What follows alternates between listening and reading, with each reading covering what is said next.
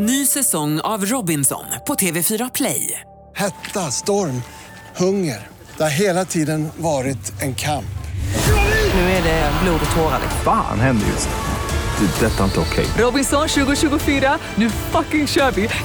Streama söndag på TV4 Play. Hej, jag heter Gry Forssell och du lyssnar inte på radiostationen Mix Megapol. I alla fall inte just nu, för du ska ju precis höra ett nytt avsnitt av Mord mot mord. Men först vill ju vi säga hej. Hej, hej, det här är NyhetsJonas. Det här är Carolina Widerström. Åh, här är gullige dansken. Ja, och så Gry då, då. Det vi vill säga är att när du har lyssnat klart på den här podden, då får du gärna lyssna på våran. Vi spelar in ett nytt avsnitt varje morgon av våra podd Kvartsamtal. Och hela radioprogrammet blir ju också en podd om man är väldigt morgontrött eller så. Just det, om man missar morgonen ja. Men mest av allt så får du gärna lyssna på programmet i direktsändning varje morgon på Mix Megapol. Live varje morgon från klockan sex och då har vi med oss massor med vänner också. Thomas Bodström, Babben Larsson, Johan Pettersson, Christian Luuk. Massor med coola människor som bara dyker upp och gör livet bättre. Ja, som jag, gullige dansken. Exakt så. Och så mycket bra musik och annat skoj såklart. Så vi hörs när du vaknar på Mix Megapol. Podplay. Alltså han vill växa och han vill växa så fort som möjligt. Eh, så att han sparar ingenting. Utan han liksom bara kör på typ i ett väldigt, väldigt tempo. Och Louise önskar då att han skulle liksom delvis lägga undan lite mer pengar men också kanske typ investera lite i andra verksamheter för att så här bredda. Eh, alltså inte lägga alla sina ägg. Alla korvar i samma bröd. Exakt. exakt. exakt så. Åh, bra. Eh, Det känns lite, det, känns, ser något äck, det ser äckligt det ut det jag ser framför mig. alltså det är verkligen hög. Ja. En klase med korvar. Det var verkligen eh, spot on riffande av dig. Okej, men så han, ehm, eh, han lägger alla sina korvar i ett samma bröd, det vill säga sitt, i sina egna korvar i sitt egna bröd. Eller ja, du fattar.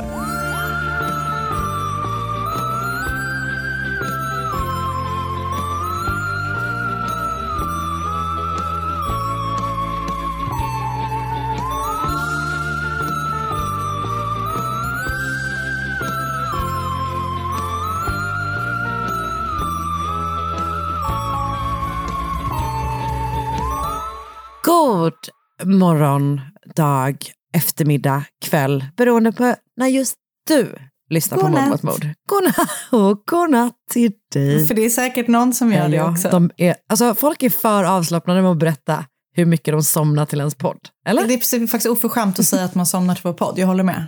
Alltså, så här, jag tycker inte att det är oförskämt att göra det. Jag tycker bara att det är... Börja berätta det. ja, exakt. Ja, jag menar det. Att folk är så Somna himla, mycket du vill. De är liksom så stolta över hur Don't rub it in. jävla tråkiga de tycker att vi är. Eller? Men, nej, men jag håller verkligen med. Ja, bra. Eh, men eh, hur som helst, eh, ni är med oss här i alla fall och jag heter Karl André och du heter Anna Sandell och hur är det med dig? Det är fina fisken, tack.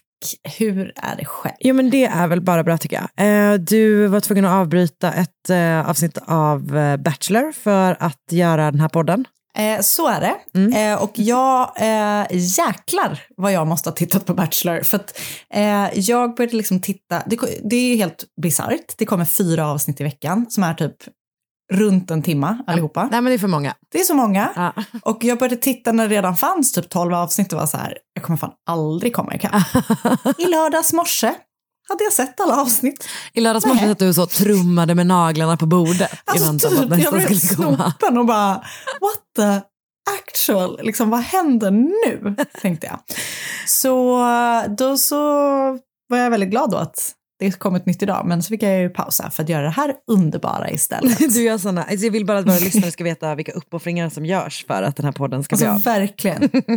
Nej men dagens avsnitt av Bachelor känns ju som att det är rafflande. Ja, jag fattar. Alltså, jag måste bara säga det. Så jag liksom, eh, det känns, ja, jag liksom hade puls. Och att det var typ att jag skrev till dig flera gånger bara, okej, jag får väl lov att pausa. Okej, det här betyder att vi hörs snart. Okej. Jag antar att det här betyder att du kommer förstöra mitt liv. Nej, Nej. jag är alltid glad att få prata med dig.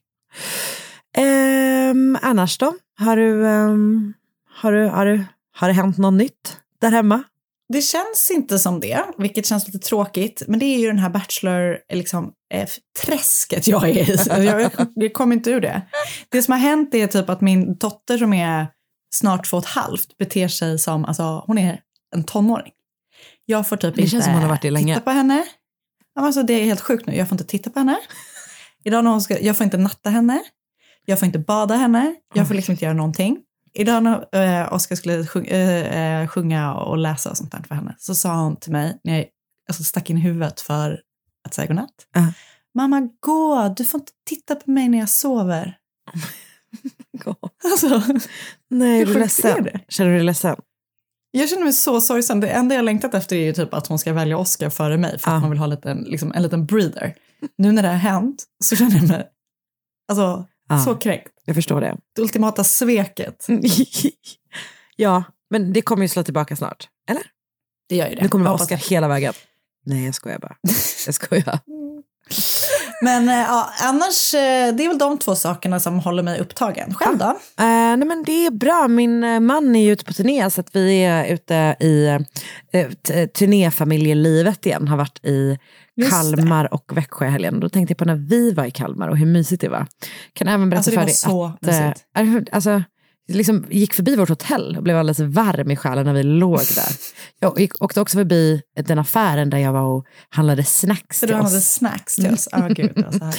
Men eh, jag kan också berätta att Marcus ju träffar gott om eh, Mord mot mord-lyssnare. När han är ute på sin. Kul!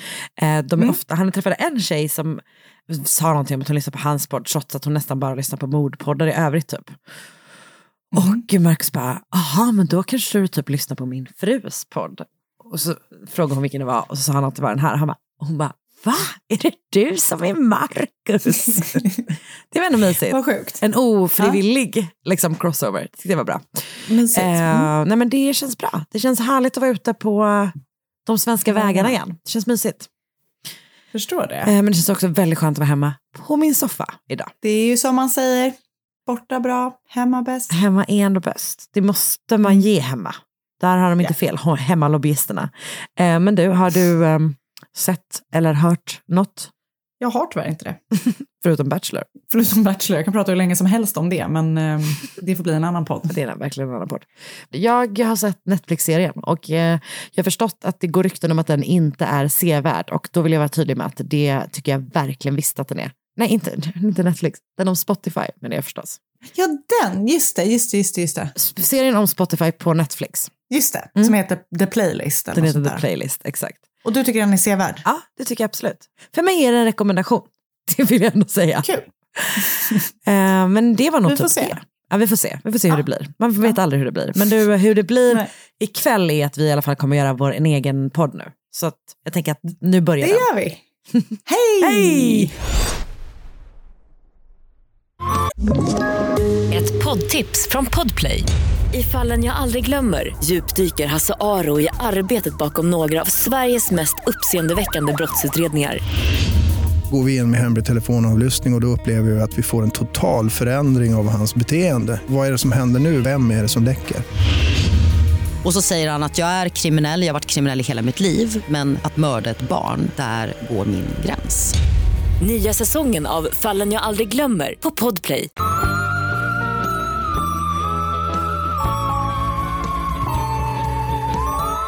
Adolf Lütgert föddes i december 1845 i en stad som heter Gütersloh, en dryg timme utanför Dortmund i det som idag är Tyskland.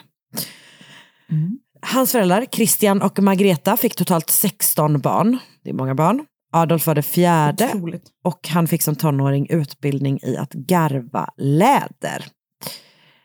Han eh, tillbringade ett par år med att resa runt i jakt på arbete och eh, är liksom delvis i typ Tyskland eller liksom i mer så Centraleuropa men också han är också i London eh, och sen som dryga 20-åring så tar han båten till New York.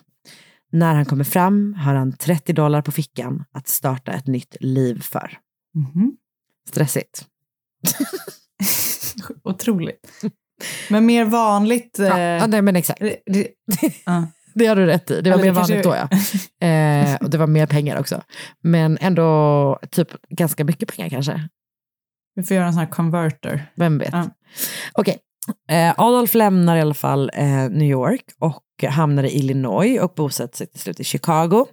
Där jobbar han liksom med lite allt möjligt han kommer över. Alltså bland annat så jobbar han då med liksom garverigrejen, men han tar typ vilken jobb som helst som ger honom lite pengar. Och det går bra för honom, han jobbar stenhårt, han tar extra knäck som någon slags eh, flyttgubbe mellan garverijobben och liksom, han, han kämpar som fan typ. Till slut har han då sparat ihop tillräckligt med pengar att starta sin egen business. Ah, han ska nog jobba med läder tänker du, men nej, det ska han inte. Han ska Nej. jobba med sprit. En dröm för oss alla.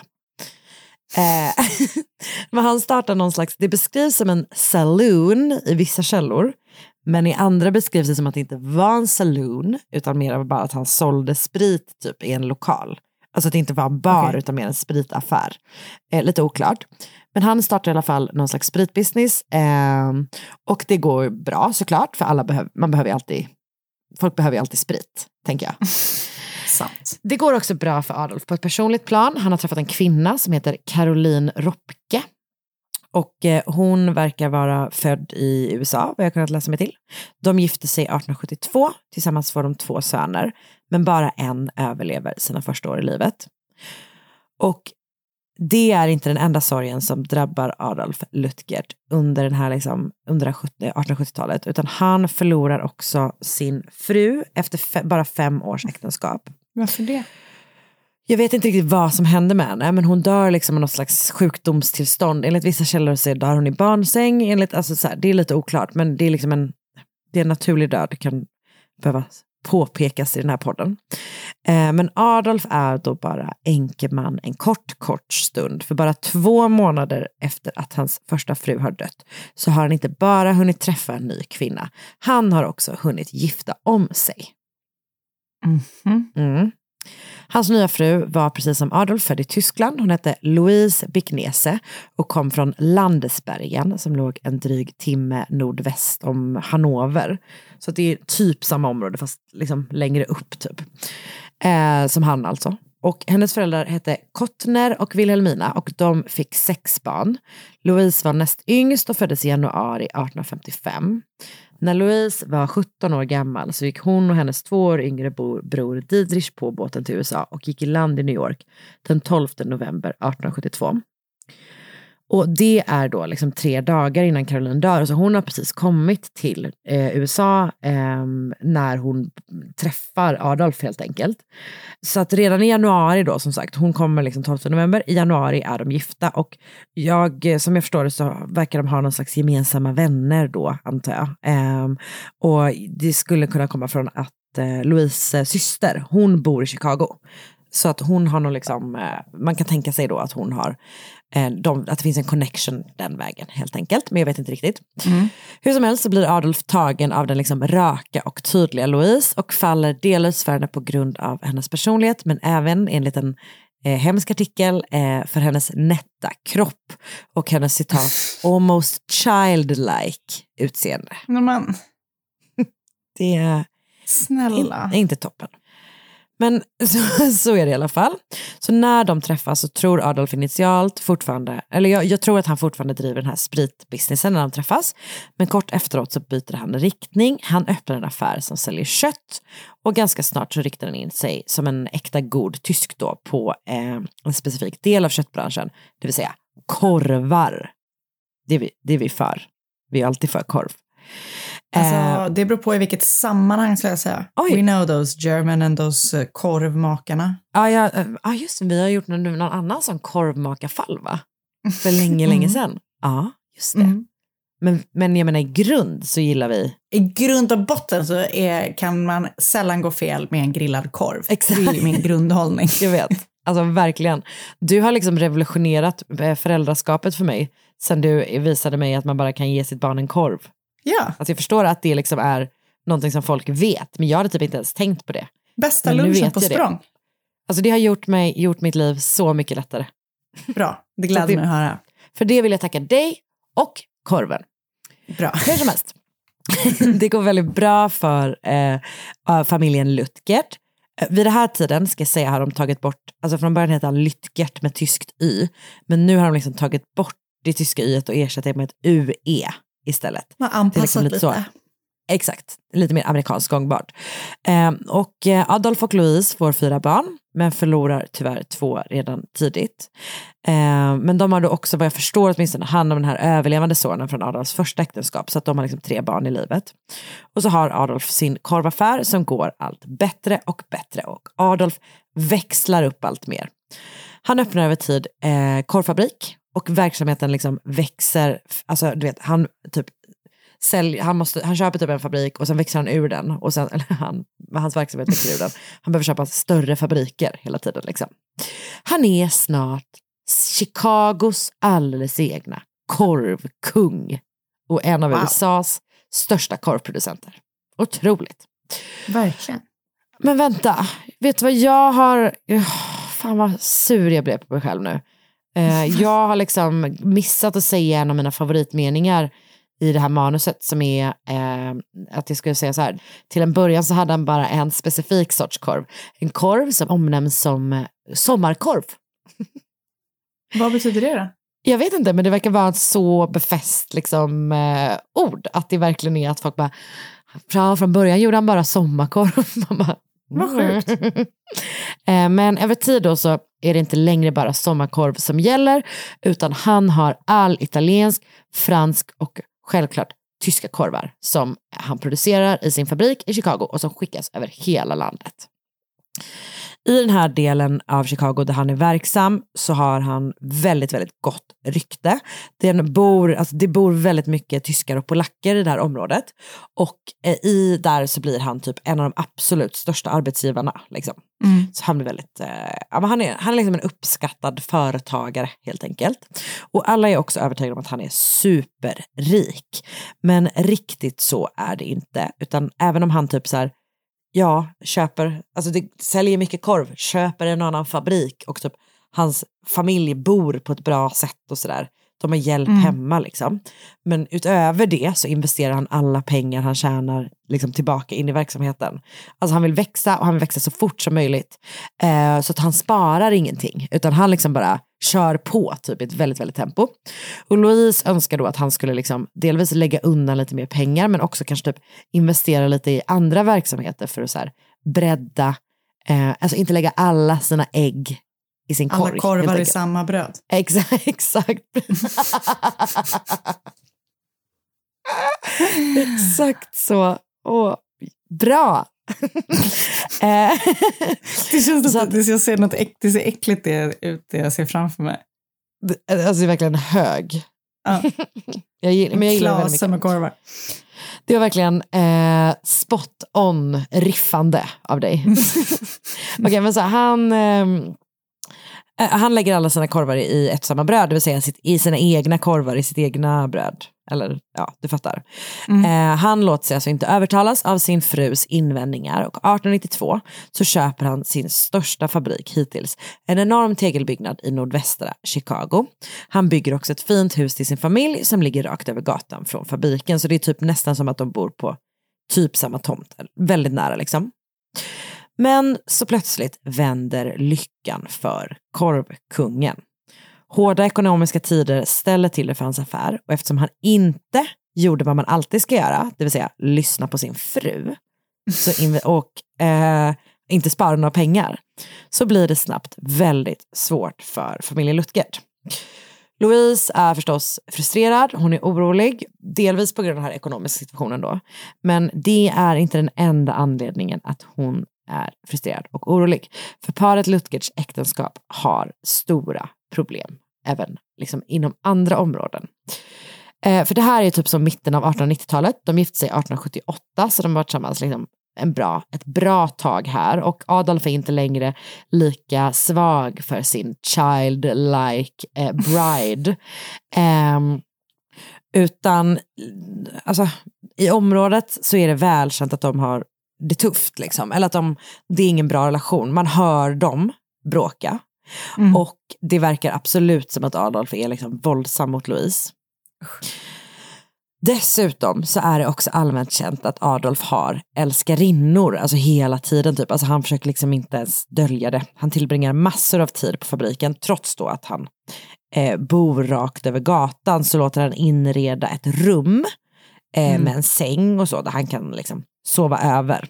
Inte superromantisk när ens dejt bara vill följa med till min Till korvfabrik. korvfabrik. Eller är det det? är det. Eh, nej, alltså jag vet inte. Men, men, eh, men så är det i alla fall. Liksom. Och eh, våren 1877 så har han också en, älskar, en, liksom, en älskarinna han gillar lite extra mycket. Det är en kvinna som heter Mary. Och inte nog då med att Mary råkar jobba i familjen Lutgerts hem. Hon är också Louise kusin. Och har då, eh, Adolf börjar liksom ligga med henne. Och samma vår så tvingas Adolf inse att så här, den ekonomiska situationen har gått så illa att han eh, liksom kommer förlora sin fabrik. Men det händer också en annan hemsk grej i hans liv. Hans fru lämnar honom. Det är i början av maj 18, 1897. Jag sa 18, 18, våren 1877 innan, tror jag. Ja, Men det menade jag inte, utan jag menade våren 1897. Ja. Och i början av maj 1897 eh, så säger, börjar då Adolf säga till släkt och vänner att Louise har lämnat honom. Kanske har hon tagit en båt till Europa. Kanske är hon hos sin syster. Kanske har hon träffat en annan man. Han vet inte och han verkar inte heller bry sig särskilt mycket. Ehm, så att Louise är alltså borta. Och det är då, alltså så här, Adolf verkar inte göra någonting kring det. Så istället så blir det Louise bror Dietrich som den 8 maj anmäler sin syster saknad till polisen. Och då har ingen sett henne sedan kvällen den 1 maj. När polisen pratar med Adolf så upprepar han det han sagt innan. Han tror att hon har lämnat honom helt enkelt. Men polisen sätter i alla fall igång en utredning som bland annat gör att de typ så, alltså, de draggar floder och sånt liksom. Men Ja. det finns inga spår efter Louise. En vecka senare, den 15 maj, så tar en, en vakt, eh, alltså en, en av fabrikernas vak, liksom nattvakter, tar kontakt med polisen och säger att inte nog med att han har sett Louise och Adolf gå in i korvfabriken kvällen den 1 maj, han har också sett sin chef hålla på ovanligt mycket i källaren, där de har så stora liksom, kar som de använder i den här eh, produktionen på något sätt. Polisen bestämmer sig för att söka igenom fabriken och vad jag har förstått så är liksom fabrikens, alltså eh, produktionen är redan stängd här. Som jag har förstått det. Alltså det är så här, de var tvungna att stänga ner korv, korvproduktionen redan så det verkar inte som att den används vid den här Nej. tiden. Men han har ändå liksom hållit på då, det har varit, han har jo, hållit på med någonting. Så polisen går in i fabriken och för att söka igenom den och i källaren så hittar man då det här träkaret som vakten har pratat om och i det, det karet så hittar man en lätt röd eh, slash brunaktig trögflytande vätska på botten. Man tar liksom ur den här vätskan och typ filtrerar den och då hittar man något. Man hittar två guldringar. En av dem har initialerna LL som Louise Lutgert eh, ingraverade då. Och under karet så hittar man också rester av tänder. Vätskan i karet innehåller natronlut eh, som är väldigt frätande. Och när man fortsätter leta, leta igenom fabriken hittar man någonting mer. För i en hög med aska i ett av rökrummen så hittar man mänskliga benbitar, en hårnål och bitar av en korsett.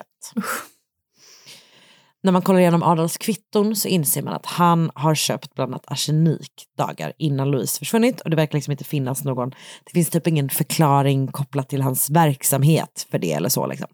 Nej. Så polisens teori blir alltså att Adolf då har mördat Louise, kokat och löst upp kroppen i det här lutet eh, i det här karet och sen eldat upp resterna i rökrummet. Och för att testa den här teorin så får liksom polisen användning av en annan kropp och provar helt enkelt att göra sig av med den på det här sättet och får liksom ganska goda resultat helt enkelt. Mm. Men Adolf nekar till allt. Trots det så blir det rättegång och det finns ju då starka bevis som pekar på att Louise mördats av sin man i hans korvfabrik. Säkerhetsvakten som sett Louise Adolf kvällen den första maj vittnar förstås om det, men under rättegången så vittnar också några andra personer för åklagarens liksom, sida. De är spännande på andra sätt. Det är nämligen två av Adolfs älskarinnor. En Jaså. är fru till mannen som äger den saloon som ligger närmast fabriken och den andra är en rik änka som polisen har en idé om att Adolf kanske vill gifta sig med för pengarna för att rädda sin verksamhet. Mhm. Det är deras teorier, obs. Men båda två vittnar i alla fall om Adolfs känslor för sin fru.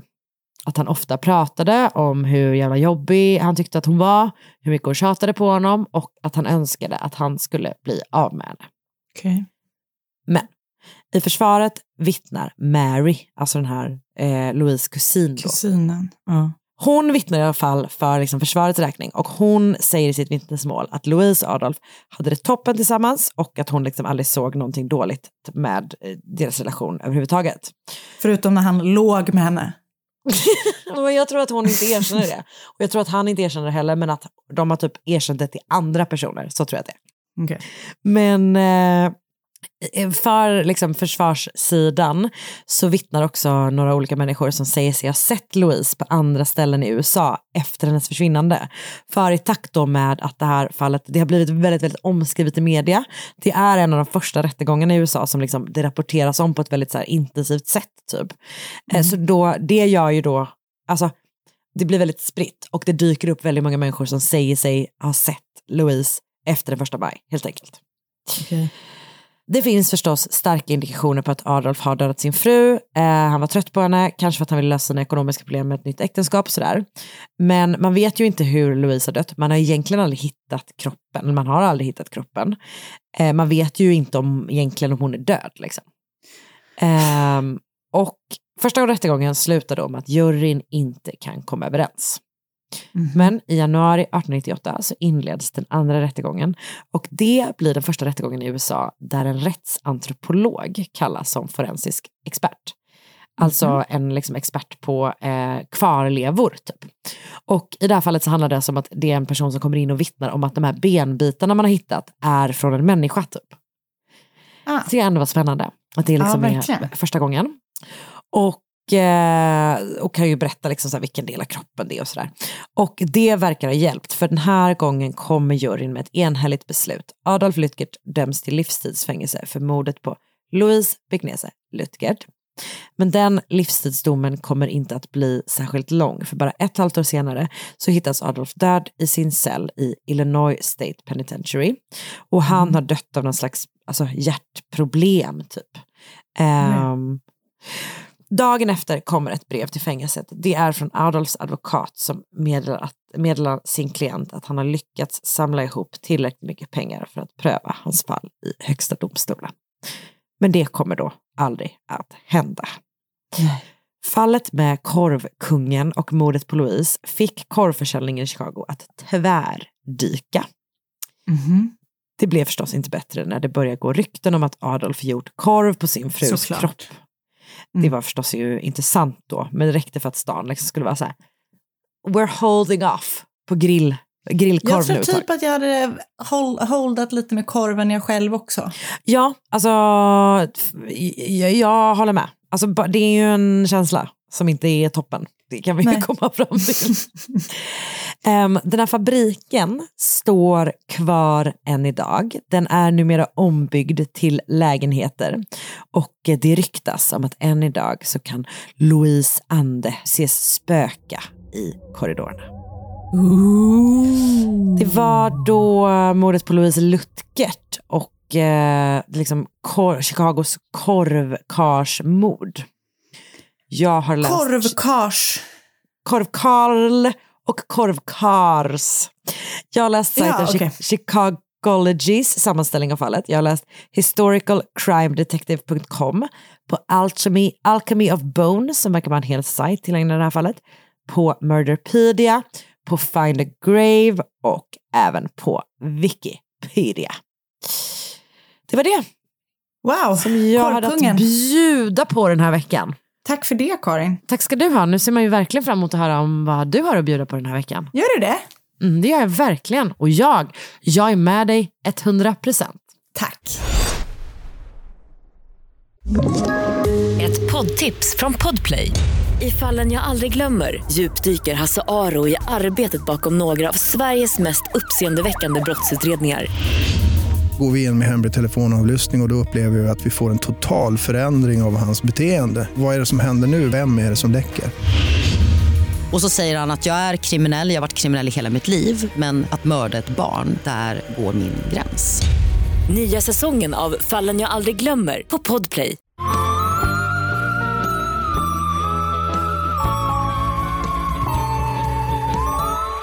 Året är 2009.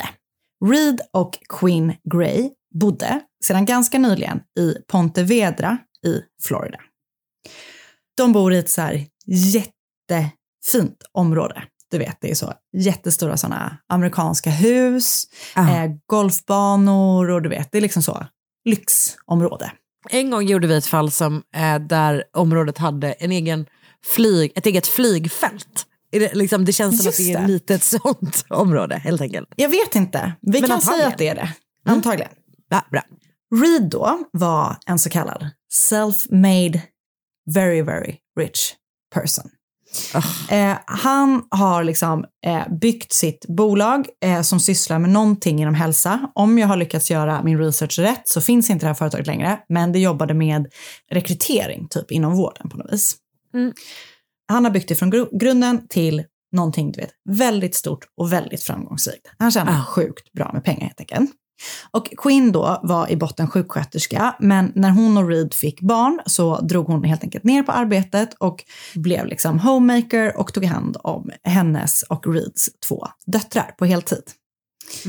Och de verkar liksom ha allt. De har då två söta barn. Eh, de bor då i det här jättefina huset som är värderat till 4 miljoner dollar.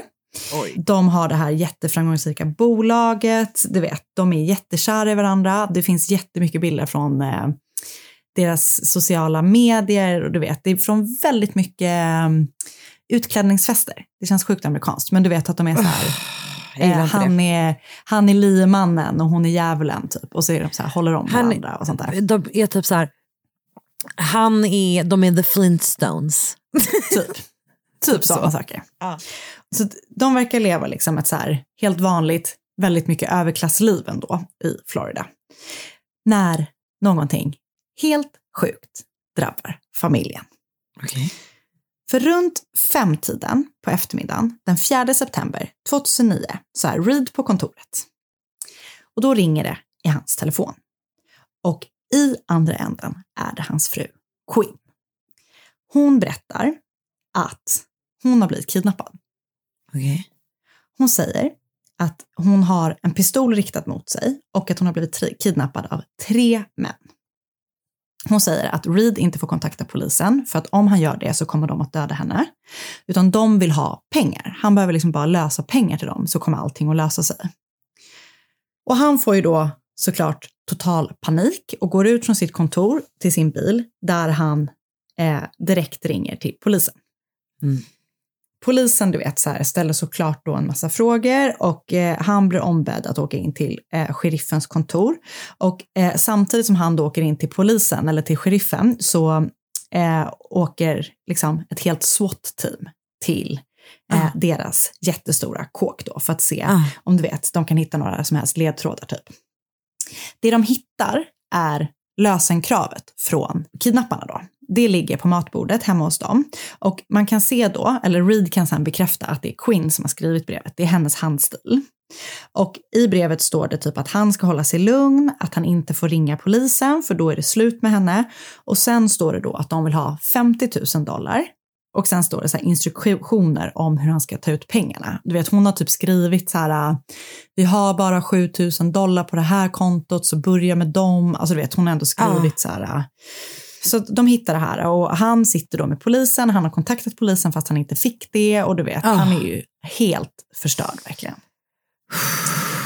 Ehm, så att för polisen berättar Reed då att Quinn har sagt i det här första samtalet när hon ringde när han var på kontoret att det var tre män som hade kidnappat henne och att de var från Albanien.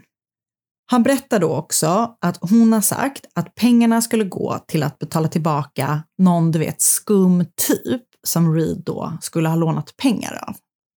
Något som han då är bara så här, det är liksom inte sant. Eh, jag har inte lånat pengar av någon.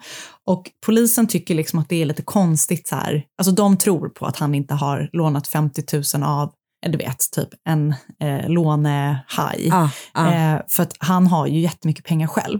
Och polisen reagerar också på att kidnapparna bara vill ha 50 000 dollar. Alltså du vet, det finns saker typ i deras hem som är värt mer än 50 000 dollar. alltså du vet, det är så här... Svårt att relatera Eh, till. Ja, och, och det där hittade jag på, för jag insåg att det var ganska jag mycket kollade pengar. inte Men, mitt hem. Att det, finns, det finns inget i mitt hem som är värt mer än 50 kronor.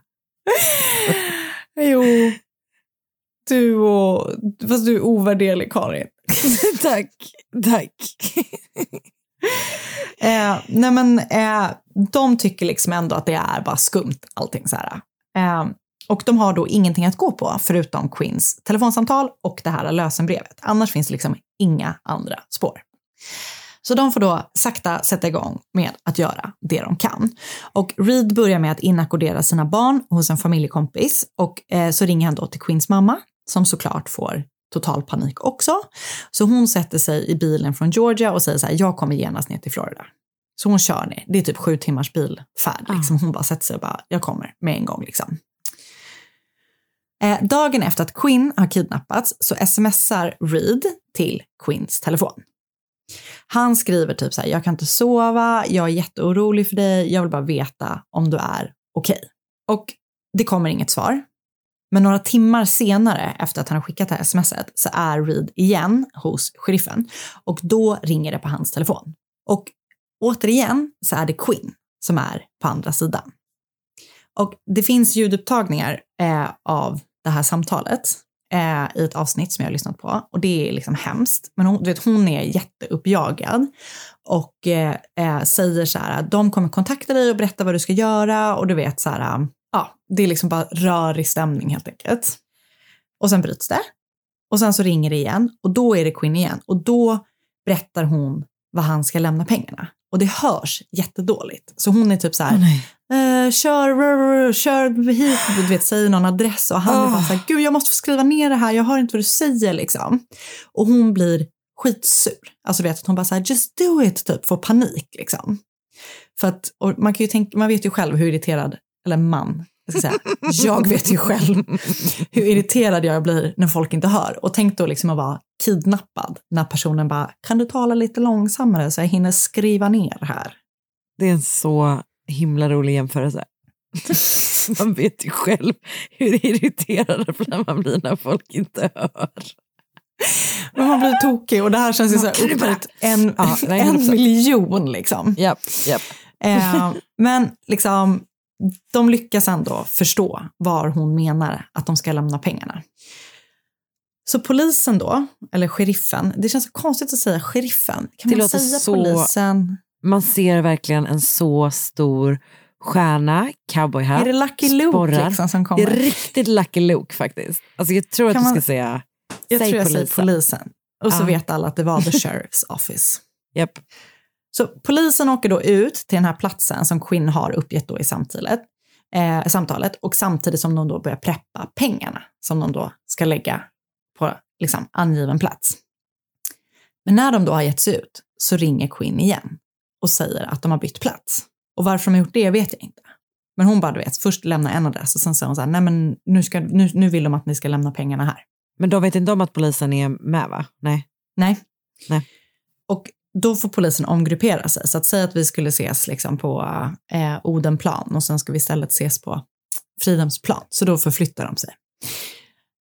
Och så då åker polisen till den här nya eh, överenskomna drop-offen. Och sen ringer det igen.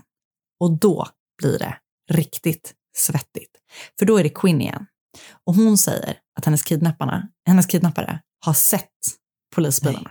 Och att de nu istället för att liksom mötas på drop-offen tar henne till en plats som hon inte vet. Paniken. Och kort efter att de har lagt på luren eh, så får Reed ett sms från Queens telefon där det står I know you want me dead. Och han fattar ju ingenting. Du vet så här, varför skulle Quinn skriva så? Är det Quinn som skriver så? Varför skulle hennes kidnappare skriva så?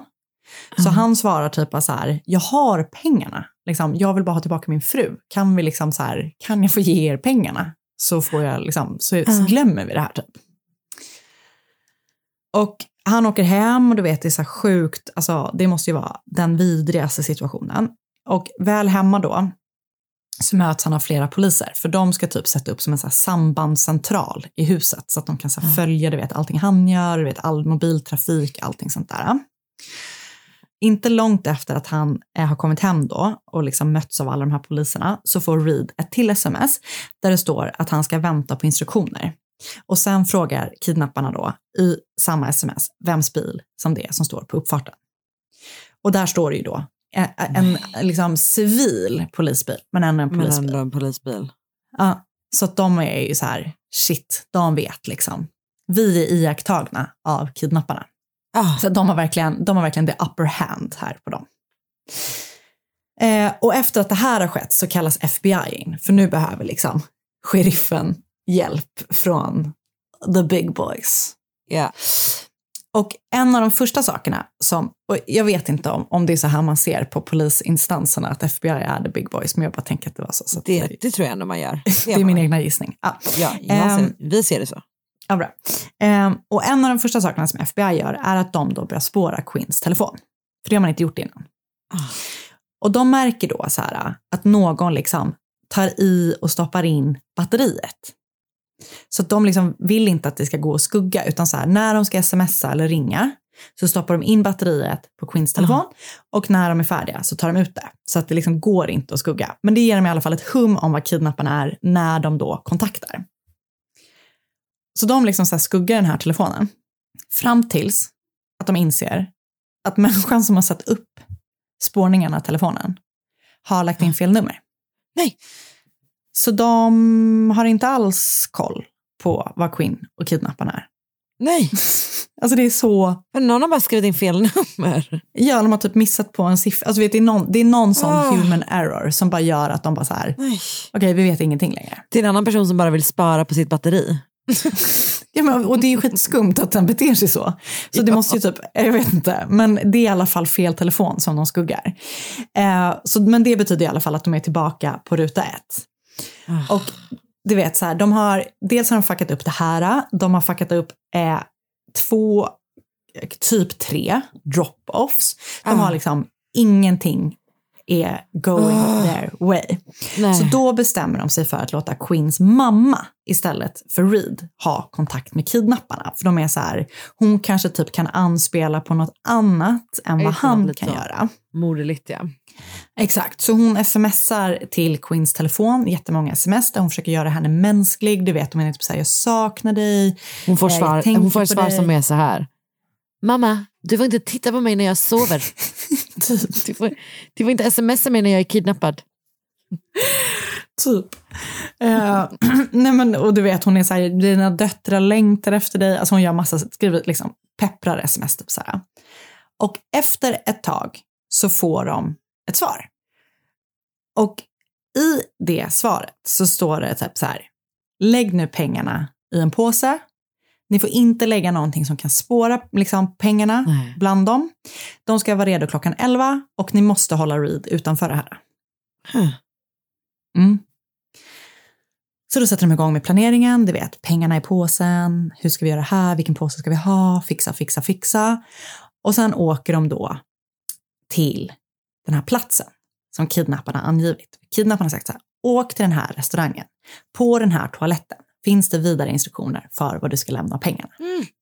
Okej. Så det gör de. Spännande. Och typ på baksidan av typ en toalett sitter en liten papperslapp. Ah. Den lappen ser också ut att vara skriven av Quinn. Den säger att de ska åka till en restaurang som heter Joe's Crab Shack.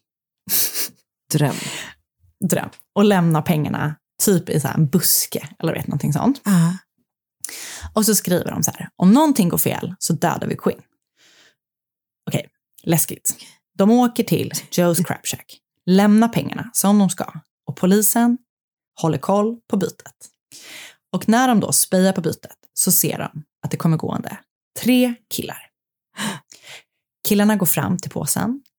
De typ så här sparkar lite på den, tittar lite på den, plockar upp den, tittar i påsen, lägger den i sin baklucka och sen kör de iväg. Och du vet, de kör så som att man försöker skaka av sig någon. Just De kör fram och tillbaka. och Så. Konstigt. Ah. Ja. Och samtidigt som då polisen försöker hä- hänga efter eh, kidnapparnas bil så ringer Quinn sin mamma i panik och bara varför har ni inte lämnat pengarna? Vad fan håller ni på med? Mm. Så mamman är bara så här, vad menar du? Vi har lämnat pengarna. Och hon bara, nej, det finns inga pengar. Typ, vad håller ni på med? Mm. Så killarna då, som kör runt med, alltså kidnapparna då, som kör runt Ja. med pengarna, som har plockat upp pengarna, kör till en parkering. Och där så står en helt vanlig polisbil. Och FBI då som skuggar dem ser att de här killarna går fram till polisbilen och pratar med dem. Och FBI kontaktar polisen och säger så här, plock, vi, ni behöver plocka in dem, vi behöver förhöra dem. De har liksom kidnappat en person och har typ eh, liksom bytet, eller pengarna i sin baklucka. Vilket de då gör. Och i förhör då så visar det sig att det här är inte... Det bara tre det här är alltså det här är tre tyska utbytesstudenter som inte har någonting med kidnappningen att göra. Alltså du vet, det är så sjukt. De ville har bara göra gått det rätta på, typ. Ja men de har typ gått på parkeringen och bara, haha vad sjukt skulle det vara om det inte låg pengar i den här påsen. Ja, och så bara oj. Och sen så har de då gått fram och tittat, så har det varit pengar i påsen och så har de då varit så här, plockat in dem och bara, men vi kan ju inte åka runt med så här mycket pengar och kontaktat polisen. Men alltså det är så jävla sjukt, det är sånt som är så bara jävla- inte händer. Tre tyska Erasmus-studenter. Det är så sjukt. Thomas, ska vi lägga den i din ryggsäck eller min? ryggsäck Alltså verkligen. finns. och så har de säkert en sån som de har på tyska skolan som är med så här många fack, du vet, en sån här Ja. hård ryggsäck. Ja, Alltså, de hade kunnat lägga varje sedel i varsitt fack. Utan absolut.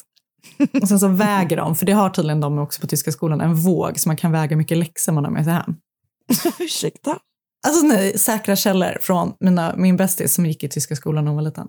Men förlåt, men jag ska, ska man ha mycket läxor eller lite läxor? Alltså vad är målet? Mycket. Alltså ju mer läxor man har, desto, cool, desto alltså, ju tyngre ryggsäck, desto coolare. Desto bättre. Ja. What a bunch of nerds. Yeah. Okej, så de har lämnat in pengarna till polisen. Nu, exakt. Perfekt, nu kommer hon bli mördad. Ah, det är det som alla, alltså Queens mamma har ju panik. Hon bara, hur fan har ni kunnat fucka upp det här? Kidnapparen ringer också till Queens mamma som är sjukt sur. Och, och den här gången är det första gången de hör från kidnapparen. För tidigare så Ah, är det bara. Queen som har pratat. Och den här gången då är det en man som ringer som är jätteupprörd och arg och ger dem nya instruktioner. Då. Och han är typ så här, jag behöver pengarna där och då och så här. Eh, men det är helg när det här samtalet görs och sen är det röd dag. Så att de vet så här, vi kommer inte lyckas fixa fram pengarna på två dagar. Så vi kommer inte kunna få tillbaka Queen på i alla fall två dagar. Så de tycker ju att det suger såklart. Och det gör det ju. Och så får Reed ett mail av kidnapparna. Ett mail med en bild på Queen. Och bilden är tagen med en iPhone. Och liksom, hon är på bilden och hon är liksom, ser sjukt ledsen ut. Alltså du vet, hon är så här helt förstörd. Typ. Ja. Och bilden är tagen med en iPhone, så FBI kan på något vis få fram GPS-koordinaterna eh, på var bilden är tagen. Så de åker direkt dit, för de bara, nu har vi dem liksom. Men varken Quinn eller kidnapparna är på platsen. Och så händer det liksom massa grejer, du vet, de typ så här, kidnapparna säger så här, vi möts där för att lämna pengarna, men de döker inte upp. Det liksom händer massa saker. Och det som är det värsta som händer är att Quinns kidnappning till slut når nyheterna. Nej. Och det stressar ju dem jättemycket också. För att så här, det, de har haft så många misslyckade försök, kidnapparna är skitsura och de fick ju inte kontakta polisen och nu är det helt plötsligt ute i typ på tv. Liksom. Ja, så att det suger allting. Men till slut då så ringer Quins mammas telefon igen. Och då är det Quinn. Förstår de? Men polisen som sitter med Quins mamma fattar inte riktigt vad som händer i det här samtalet. De bara vet att mamman är sjukt upprörd, hon skriker och du vet bara så här, Quinn, Quinn, Quinn. Alltså det är också, jag har hört det, det är därför jag kan härma, härma det så bra. Ja, så Ehm. likt, utan att veta. Så kände jag henne att så- så likt. Eh, acting school's paying off. Eh, Okej, eh, så hon är sjukt upprörd och du vet, så här, skriker och sådana saker. Sen bryts det samtalet, förstår du. Och samtidigt som eh, polisen som sitter med Queens mamma försöker få reda på vad som har hänt i samtalet så får 911 ett samtal och det är Queen som ringer. Hon berättar att hon har blivit släppt av sina kidnappare.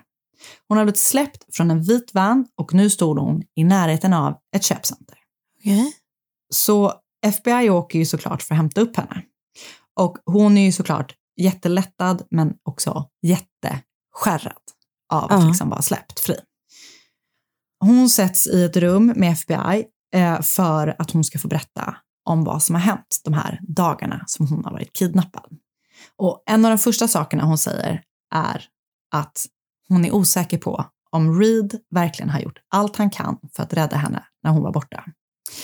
Hon är av uppfattningen att, han, att det liksom framstod som att han hellre ville ha henne död. Hon kunde inte förstå varför han inte bara betalade 50 000 dollar när han hade så mycket pengar. Och hon säger också att hon alltid har känt att hennes man har en ond sida. Men han betalade väl pengarna? Det var bara att tyskarna tog dem. Ja, alltså till slut så ju, la de ju pengar, det var inte 50 000 dollar så här, men de, de alltså absolut, du har helt rätt. Ah. Men det här är hennes uppfattning. Det här är Ah, hennes ah, ah. känsla, okej? Ja. Hon är kränkt.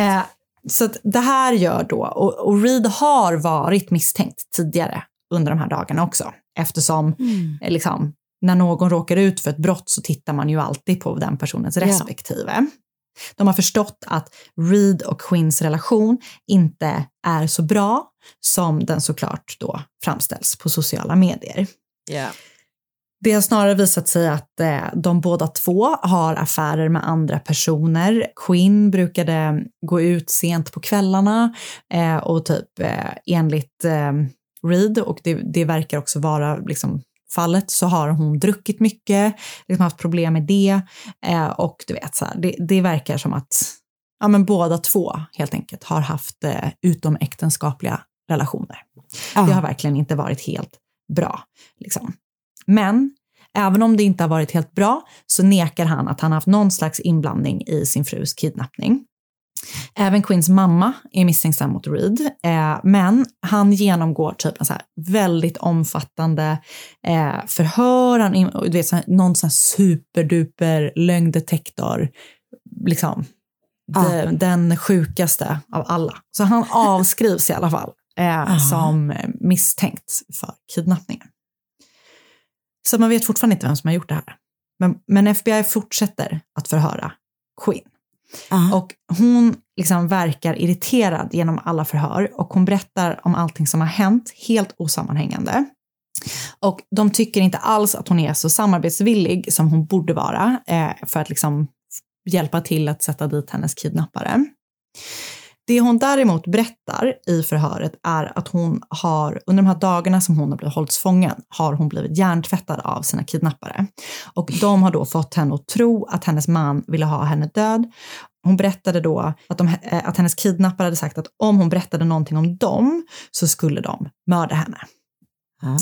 Till slut i alla fall så vill hon berätta vad som har hänt. Och då berättar hon att hon har varit hemma i sitt sovrum när kidnapparna kommit in. Kidnapparna har haft på sig gula plasthandskar och haft en pistol i handen. Han ska typ ha sagt någonting i stil med ta det lugnt, gör inget förhastat. Han har då haft en pistol mot hennes huvud och berättat att han har varit prickskytt eller något liknande från den albanska militären. Han berättade att han var där för de 50 000 dollar som Reed lånat av en skum lånehaj. Hon har sedan blivit bunden och medförd ut ur huset in i en baklucka på en bil. Sen ska hon då ha förts till någon typ av lager. Eller lager eller ett garage. Där har hon blivit fastspänd i en stol och fått eh, tejp runt hela ansiktet. Ja. Sen har hon fått sitta där själv. Hon berättar vidare att hon har blivit utnyttjad sexuellt av sin kidnappare i garaget. Hon berättar att hon har försökt att få kidnapparen att tro att hon gillade det övergreppet ehm, i ett försök att han skulle då släppa henne fri eh, om han trodde att hon typ ville ha sex med honom. Det som polisen tycker är märkligt är att hon går väldigt liksom in väldigt detaljerat på hur det här sexuella övergreppet har gått ut, liksom Just det. utspelat sig. Och hon berättar det mer som att hon återger en sexakt eh, snarare än att hon återger eh, liksom att hon har blivit våldtagen. Men hon menar då att liksom, det har varit en del av hennes eh, typ överlevnadsstrategi. Typ. Ja. Hon berättar sen att kidnapparen har tagit med henne till ett hotell från det här äh, garaget eh, för att hon ska slippa sova på golvet. Hon berättar då liksom att då hade hon förstått att det inte var tre kidnappare utan att det bara var en. Och hon sitter med polisen i sex timmar och berättar väldigt detaljerat och väldigt ingående om typ allt, allt, allt. Bland annat så berättar hon att hennes kidnappade, kidnappare handlade mat till eh, de två på en affär som inte bodde långt ifrån där Reed och Quinn bodde. Hon berättar att han köpte kyckling, någonting att dricka och en tidning. Men de har ju fortfarande ingen aning om vem kidnapparen är och både Quinn och Reed är jätteoroliga att någonting ska hända igen med, liksom med dem eller med deras barn. De vågar typ inte åka tillbaka till sitt hus, du vet, de är helt så här, ja men jätte, jätterädda verkligen. Så polisen måste ju liksom hitta kidnapparen. Så de bestämmer sig för att kontakta den här affären som Quinn berättade om, där hennes kidnappare hade varit och handlat mat då. De vet ju när det skedde, för det minns Quinn, och de vet vad han köpte. Så att de hittar en man på övervakningsfilmen som köper kyckling, en dricka och en tidning på den angivna tiden som de fått av Quinn. Okej. Så polisen går ut med en bild på honom och efterlyser honom. Och två dagar efter att bilden har släppts så ringer mannen på bilden till polisen. Mannen heter Jasmin Osmanovic och eh, han verkar typ helt obrydd eh, över att han är efterlyst som kidnappare. Han är 25 år gammal och kom du vet, från en stabil familj. Eh, han var bilhandlare och du vet, var så här högutbildad. Han hade någon, liksom, någon e- examen redan från college och han höll dessutom på vid den här tidpunkten då att utbilda sig vidare inom kriminologi. Han var inte alls en brottsling, om du förstår vad jag menar. Han hade liksom inget skumt, ingen skum bakgrund alls. Och han säger att han inte har någonting med det här att göra. Han känner inte Queen, han har ett alibi som sedan visar sig inte hålla. Okej. Eh, och när polisen går på lite hårdare och säger att Quinn har vittnat om att han har kidnappat henne eh, och att det också är en person på det här hotellet där Quinn har hållits fången som har då liksom pekat ut den här Jasmine då som ehm, att han har varit där med henne. Så ehm, ja, de, de går på lite hårdare. Och i åtta timmar förhör de honom. Eh, och han bara fortsätter att förneka och förneka. Och polisen är skitirriterad på honom för att han tycker att han är jättemycket smartare än dem. Och det, är, in- det är inte bara det att de märker det lite subtilt, utan han typ säger att han är smartare än dem. Eh, så att de är då, de är liksom ganska trötta på honom. När han till slut säger att ja, jag kanske kände Quinn, men jag är oskyldig till att ha kidnappat henne. Och jag kan bevisa det. And you will never believe what happened next. I nästa vecka av Mord mot mord. Verkligen. Ehm, ja, han säger att han har en ljudinspelning som bevisar att han är oskyldig till kidnappningen. Men Okej. han säger sen att han vägrar att dela den med polisen. Han säger att han har gömt den i säkerhet. Men dagen efter så kontaktar Jasmines försvarsadvokat polisen och säger att jag har det här bandet. På bandet kan Jasmine först höras själv när han berättar att han är på väg till hotellet där Queen bor, eller hålls fången. Sedan hörs han kliva in på hotellrummet och då förstår man ganska snabbt att Queen inte är ett offer som de har trott hela tiden. Hon och Jasmine hörs prata om vad som pågår och det är tydligt att de båda två liksom är med på planen. Ah. Ehm, och Jasmine har sen, du vet, så här, tagit hennes hand och så har de gått upp till rummet. Typ. Oh. Och sen, de har setts hand i hand flera gånger under de här dagarna som hon då har varit kidnappad. Ja.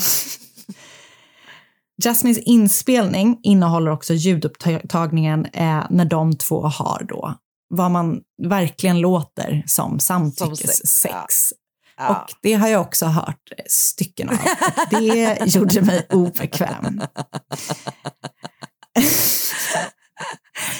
Det, är så, det är så sjukt bara. Liksom. Det är stressigt. Riktigt Det är stressigt. så stressigt. Eh, så polisen förstår ju liksom att Quinn inte har blivit kidnappad utan att hon har varit med då på den här utpressningen eh, mot sin man för att få 50 000 dollar. Ah. Polisen menar att de har gjort den här kidnappningsgrejen då för att hon ska få 50 000 dollar för att liksom starta sig något slags startkapital för att lämna sin man. Ja. Liksom. Quinn säger att det är skitsnack och hon menar att Jasmine har gjort allting på eget bevåg. Hon säger att hade hon velat ha 50 000 dollar så hade hon bara kunnat ta ut det från banken. Det som förvånar typ alla är att Reed står bakom sin fru. Han säger att han bara vill att hon ska må bra efter allting som har hänt. Eh, och även hennes mamma står liksom helt bakom henne och de är helt säkra på att hon inte har varit med på det. Liksom.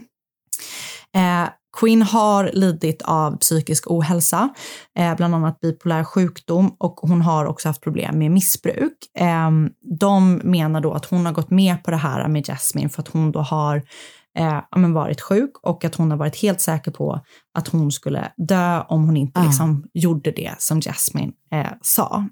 Ah. Eh, och allt det här då som är upptaget på bandet när de har haft sex och sådär eh, är liksom för att det var, hon liksom var under hot typ. Quinns familj pekar också då på att polisen inte kan bevisa att de har haft en affär innan kidnappningen utan det är bara Jasmines ord liksom. Polisen å sin sida är säkra på att banden visar att de både känner varandra sedan innan och att Quinn var med på det hela. Eh, fyra månader efter kidnappningen, eller vad, man, vad det nu liksom var, så eh, inleddes rättegången och Jasmine erkänner sig skyldig till utpressning men inte till kidnappning. Okej. Eh, Quinn däremot nekar till att hon har liksom någonting överhuvudtaget med det här att göra. I åklagarsidan, de är så här, hon blev lämnad ensam flera gånger, hon hade kunnat lämna upprepade fler, liksom sådär, eh, men hon har inte Mm. valt att göra det och sådär. Eh, Reed bekostade själv ett eh, lögndetektortest för att bevisa att hans fru talade sanning, men det här lögndetektortestet då visade snarare på motsatsen. Typiskt. Eh, och efter det bestämde sig Reed för att lyssna på även de här inspelningarna då, som Jasmine hade gjort och efter det ändrade han sig och han var då inte lika säker på att Quinn var oskyldig. Oj. Han tog då tillbaka sitt stöd från Quinn och begärde ut skilsmässa. I februari 2011 så gjorde hon en så, sån no contest i rätten, vilket är ju alltså typ att erkänna sig skyldig, fast man gör inte det, men man säger att så här, jag kommer Jag inte bestrida. Exakt. Det. Det, det finns tillräckligt med bevis för att... Precis. Och man Mm. typ bestrider inte anklagelserna man står inför. Så, så då, då hamnade liksom inte fallet hos en jury. Och ehm, då liksom blev det liksom ingen riktig rättegång. Nej, nej, jag fattar. Eh, hon hävdade fortsatt då att hon hade blivit ivägförd under pistolhot och att Jasmine Osmanovic hade lyckats manipulera henne de här dagarna efter bortförandet.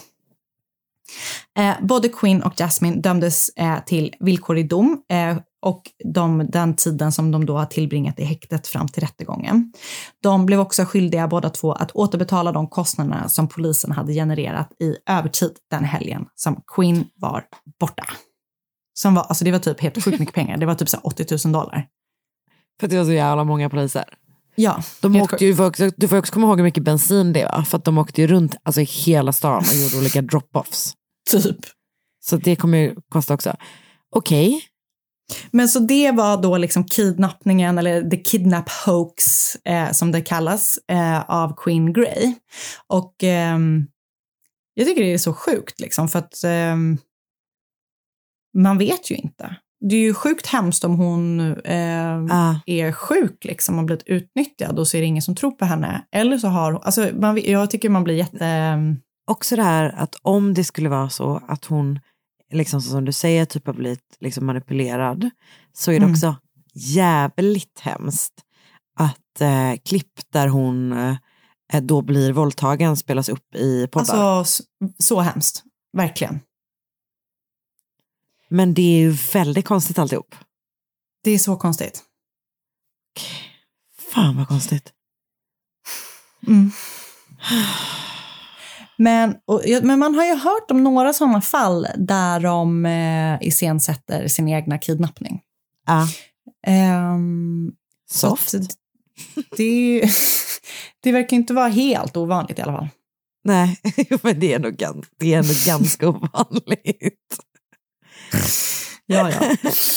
Eh, jag, Ja. ja. skitskumt. Eh, och eh, precis, det är precis som du säger, att om hon har blivit eh, manipulerad och utnyttjad så är eh, allting väldigt, väldigt, väldigt hemskt. Jag har lyssnat på ett avsnitt av Dateline som heter Ransom. Sen har jag läst Ki- Queen Grey Kidnap Hoax? Frågetecken på CBS News. Eh, och så har jag läst Qu- The Queen Grey Saga, The Story Behind the Pontevedra Housewife Who Faked Her Own Kidnapping. Och Queen Grey Gets Seven Years Probation på jacksonville.com som är liksom skrivet av något som heter Times Union. Och sen så The Queen Grey Kidnapping Hoax was like a real life gone girl av Gillian Oliver på grunge.com. Ah, vilken jävla konstig historia. Jag vet. Så skumt. Ännu en vecka, ännu märkliga eh, historier från the world of tr- true crime. Mm. Nästa vecka är jag tillbaka med ännu fler fall. Det är vi. Vi hörs då. Så vi hörs då. Hej då! Podplay. Ett poddtips från Podplay. I podden Något Kaiko garanterar östgötarna Brutti och jag, Davva, dig en stor dos skratt. Där följer jag pladask för köttätandet igen. Man är lite som en jävla vampyr. Man har fått lite blodsmak och då måste man ha mer. Udda spaningar, fängslande anekdoter och en och annan arg rant. Jag måste ha mitt kaffe på morgonen för annars är jag ingen trevlig människa. Då är du ingen trevlig människa, punkt. Något kajko, hör du på Podplay. Därför är gardinerna.